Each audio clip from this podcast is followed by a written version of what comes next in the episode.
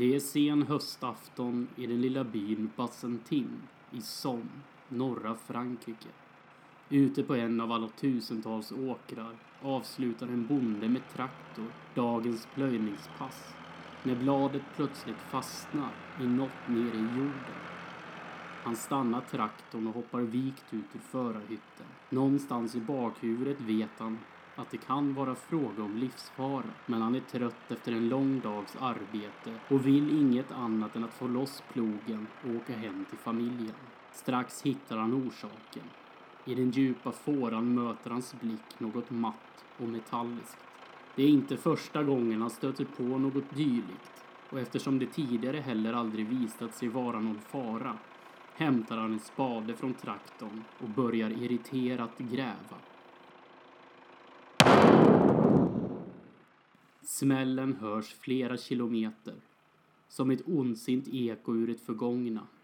Hundra år efter att kriget, som skulle avsluta alla krig, slutat skördar det fortfarande sina offer.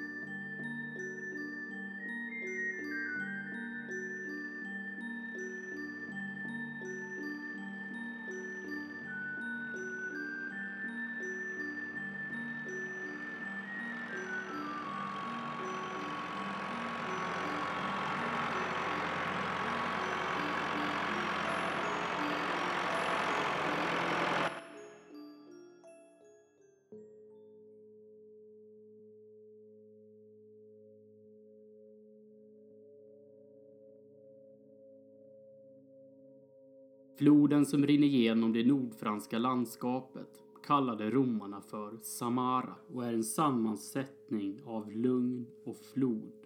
Under årens lopp transformerades namnet Samara till det senare namnet Som. Floden gav sen i sin tur namn åt distriktet där floden rinner igenom. Men platsen är idag känd för allt annat än lugn. Där utspelade sig ett av de blodigaste slagen i mänsklighetens historia. Från Engelska kanalen i norr till Schweiz i söder sträckte sig mellan åren 1914 och 1918 en långsmal och sedermera söndersprängd landremsa som kallades för Västfronten. Där utspelades de mest fruktansvärda krigsscener mänskligheten upplevt. Unga män dog som flugor i sjukdomar, granatattacker, gasanfall och kulor. Längs den tunna linjen hittar vi pittoreska städer, men vars namn än idag dryper av krigets fasor. Ypres, Verdun och Somme. Tyskarna hade försökt avsluta kriget vid Verdun. Men deras anfallsförsök misslyckades efter ett slag som krävde 306 000 människoliv. Vid ett möte mellan de brittiska och franska allierade fick den franske överbefälhavaren Josef Joffre ett raseriutbrott. Men gör någonting då! vrålade han till de brittiska officerarna. Fransmännen var hårt trängda vid Verdun och Joffre ville köpa sina trupper lite tid genom att slå till mot tyskarna någon annanstans på västfronten. Den brittiske överbefälhavaren, general Haig, gick med på förslaget. Enligt en tidigare överenskommelse skulle britterna och fransmännen inleda offensiven vid Somme i augusti. Men nu bestämdes istället att den skulle påbörjas redan i juni. Planen var att ansättaren lede Fi från flera håll. Italienare i söder, fransmän längs hela fronten medan det föll på britterna att göra sin del vid Somme. En av soldaterna som deltog vid slaget var en ung Oxford-professor som fick se sina vänner dö vid fronten. Han ådrog sig skyttegravsfeber och blev skickad till ett sjukhus för att tillfriskna. Väl där började han skriva på en märklig berättelse. En mycket omfattande och påhittad mytologi som idag finns i bokhandeln under titeln Silmarillion. När J.R.R. Tolkien många år senare skrev Sagan om ringen så stoppade han in en del av Som i boken Sagan om de två tornen. Som fick där bli till Döda träsken, ett gammalt slagfält i närheten av Mordor där de döda fortfarande stirrar upp från botten. Själva attacken inleddes den 1 juli 1916. Dessförinnan hade de tyska linjerna angripits med en gigantisk artillerioffensiv. De två första dagarna träffade artilleriet sina mål, men snart drog mörka illabådande moln in över landskapet och tusentals granater avfyrades i blindo.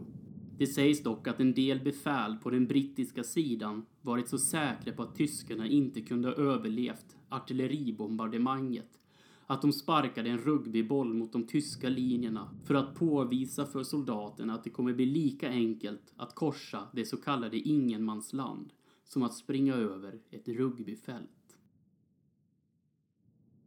Den svenska officeren Claes von Rosen, som anmälde sig frivilligt till tysk militärtjänst 1915 och sedermera hamnade vid Somme, beskrev i en minnesanteckning som står att läsa i boken Svenskar i krig av Lars Gyllenhaal och Lennart Westberg rädslan för att bli levande begravd i de egna skyttevärnen. Jag blev själv på ett sådant sätt levande begraven i ett mycket stort täckt rum med endast en ingång. Det var framme vid infanteriet under somslaget. Vi var 16 man där nere, hälften av dessa sårade. En träff av grövsta kaliber, enligt uppgift 28 centimeter, hade raserat den enda ingången. Två man förlorade under dessa timmar sitt förstånd. Den ene blev våldsam och måste bindas den andra gapskrattade hysteriskt, tog av sig blusen och skjortan och började sen lugnt och stilla äta på sin egen arm. I den glada tron att det var något särdeles läckert kött. Och så måste även han bindas.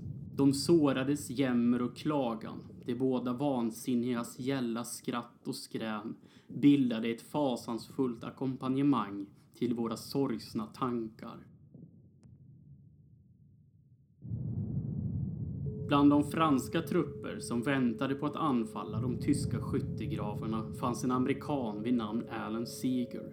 Han hade tagit examen från Harvard sex år tidigare och sedan bott i Paris i fyra år. Seeger var poet och älskade stadens bohemiska atmosfär. När kriget bröt ut tog han värvning i Främlingslegionen för att försvara det land han lärt sig älska. Under sin krigstjänst fortsatte han skriva. Kvällen innan britternas stora anfall vid Somme skrev han följande. Vi attackerar imorgon. Det kommer förmodligen vara det största hittills. Vi har fått äran att marschera i första vågen. Jag skriver tillbaka snart om jag klarar mig ur det här. Om inte är mitt enda jordiska bekymmer mina dikter. Jag är glad att vara i första vågen. Om man ska vara med alls är det bättre att vara med ordentligt. Det här är den ultimata upplevelsen. Resten av Sigers öde berättas av en vän. Klockan åtta på morgonen den 1 juli mottog vi våra ordrar. Den stora offensiven skulle börja klockan nio, men vi skulle inte vara med. Vi var reserver och skulle meddelas dag och tidpunkt vi skulle anfalla senare. Därefter skickades vi att lasta av 8 tums granater från lastbilar som körts fram till oss. Plötsligt hördes en röst som ropade att våra kompanier skulle in och att vi skulle bege oss till främsta linjen. Ungefär klockan fyra på eftermiddagen kom ordern om att vi skulle göra oss redo att attackera. Ingen kunde hjälpa sig med att tänka på vad de närmaste timmarna hade i beredskap. Några minuters ångest, men sen vi ställt oss i leden blev de flestas ansikten lugna och fridfulla. Som om någonting kommit över oss. Två bataljoner skulle attackera Beloy-en-Santerre och vårat kompani var reserv. Kompanierna i första vågen ställdes upp på ett majsfält. Bajonetterna glittrade ovanför majsen som redan hunnit växa sig ganska hög. Den första sektionen, Sigers sektion, formerade höger vinge och förtrupp. Min sektion formerade den vänstra.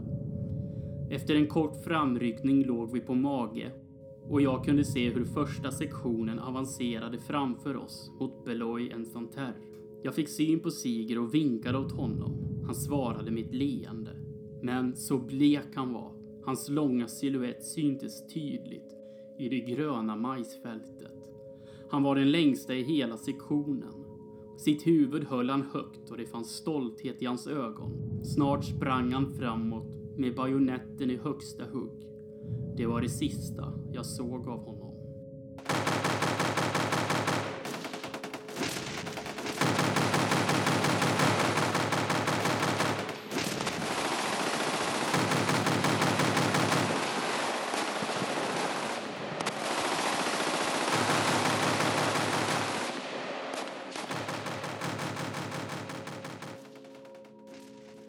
De tyska soldaterna hade befäst sig väl. Artilleribombardemanget hade inte fått den avsedda effekten. Nergrävda pekade tusentals för britter och fransmän osynliga kulsprutor mot skyn. När britterna klev ut i ingenmansland mejades nästan 60 000 ner av tyska kulsprutor. Förlusterna skulle säkert ha varit högre om inte de tyska trupperna ofta hade blivit så berörda av slakten att de lät de anfallande soldaterna retirera utan beskjutning. Men även på den tyska sidan blev förlusterna kännbara. Claes von Rosen berättar igen.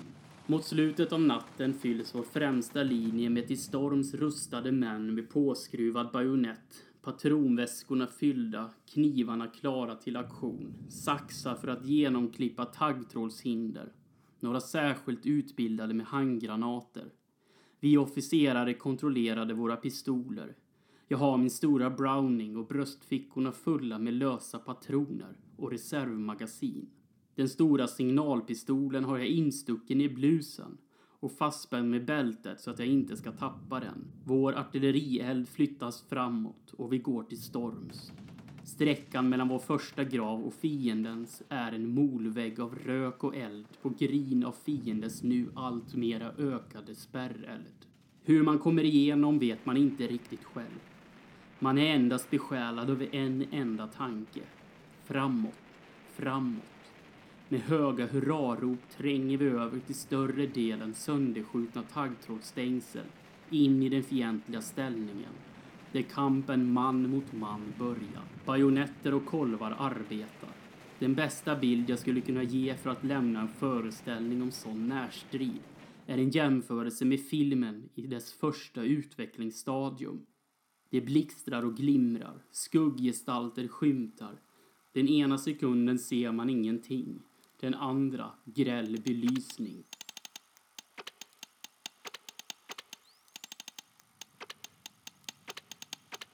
Till detta en orkester av kanonernas dån, granaternas skrällar, granatkartegers och maskingevärs smatter och visslande, gevärskulornas vinande och pistolernas korta gläfs, de sårades skrik och de döendes jämmer.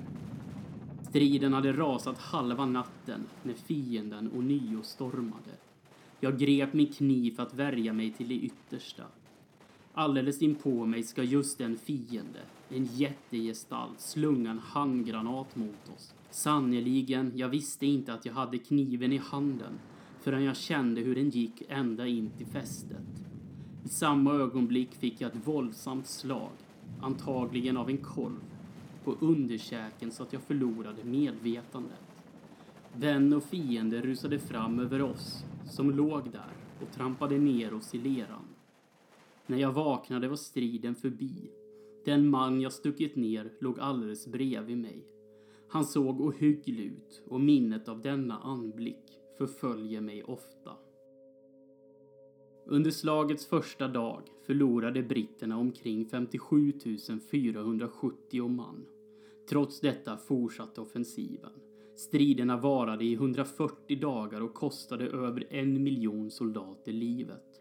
Skräcken i de långa leden av unga pojkar som dag efter dag beordrades fram till fronten blev bara värre och värre.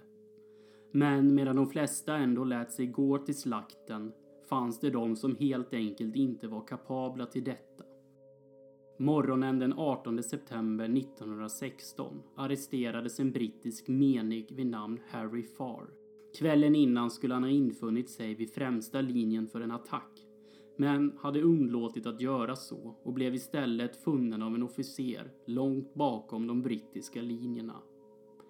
Far förklarade då för döva öron att han inte kunde stå ut med kanonmullret och eskorterades sen tillbaka. Han rymde igen men hittades morgonen därpå och arresterades för feghet. En knapp månad senare avrättades han. Far var inte ensam.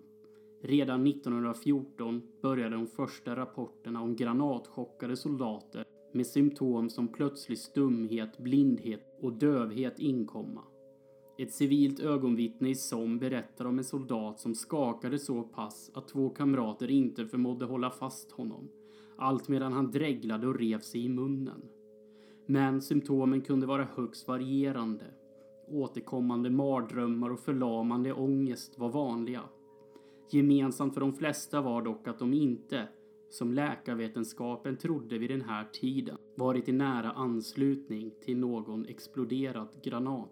Mörkertalet tros vara stort. Minst 80 000 brittiska soldater drabbades. Tyskarnas siffra är 613 000 men innefattar också andra psykiska åkommor. USA som deltog mot slutet av kriget uppger 70 000. År 2006 fick FAR ett postumt benådande och samma år restes ett monument i Staffordshire, England med namnet Skjutna i gryningen till alla de soldater som avrättats för feghet. För feghet var det sannerligen inte tal om. Idag hade vi kallat det för posttraumatisk stress. Totalt stupade mellan 860 000 och 1 120 000 soldater under slaget. De allierade erövrade ynka 125 kvadratkilometer sönderbombad terräng. Det innebär att slaget vid Somme inte bara är ett av de blodigaste slagen i mänsklighetens historia, utan också ett av de mest meningslösa. Överbefälhavare Haig kunde ha väntat på bättre väder och beordrat spärreld framför de anfallande trupperna, som då hade haft en chans att inta de tyska linjerna. Denna metod hade framgångsrikt använts tidigare, men fransmännens krav på anfall mot tyskarna vägde tyngre. I nuvarande tyska läroböcker nämns knappt som, men i brittiska har det en framträdande roll. I många brittiska skolor får eleverna varianter på essäfrågan. Förtjänar Haig epitetet slaktaren av Somme? Eller kan han sägas vara en krigshjälte? För den som idag vandrar Soms gröna skogar, kullar och välklippta villagräsmattor ekar krivaderna kanske fjärran eller inte alls. Men lokalbefolkningen vittnar om fladdrande ljus och halvkvävda skrik om nätterna ute på fälten. Platser dit djuren vägrar gå. Berättelser om barn som besökt slagfälten med sina föräldrar och sett figurer eller skepnader mellan träden är många. Men kanske är detta inte så konstigt. För kriget pågår allt jämt. Det uppskattas att för varje kvadratmeter på västfronten avfyrades ett ton granater och att så många som en av fyra aldrig exploderade. Än idag samlar franska och belgiska bönder in det som i folkmun kallas för järnskörd. Bara i Ypres har 358 människor dött och 535 skadats sedan det sista skottet avfyrades 1918. I oktober 2007 blev Josef Verdu, 58 från Loker, dödad när han tände en brasa i trädgården. I Plogstert fick en bonde stora gula blåsor över hela armen sedan han grävt ner bevattningsrör och hittat en granat som det rann svart vätska ur. Han visste inte då att senapsgas kunde vara en vätska. Den förmodat yngsta överlevaren från första världskriget är idag cirka 30 år gammal.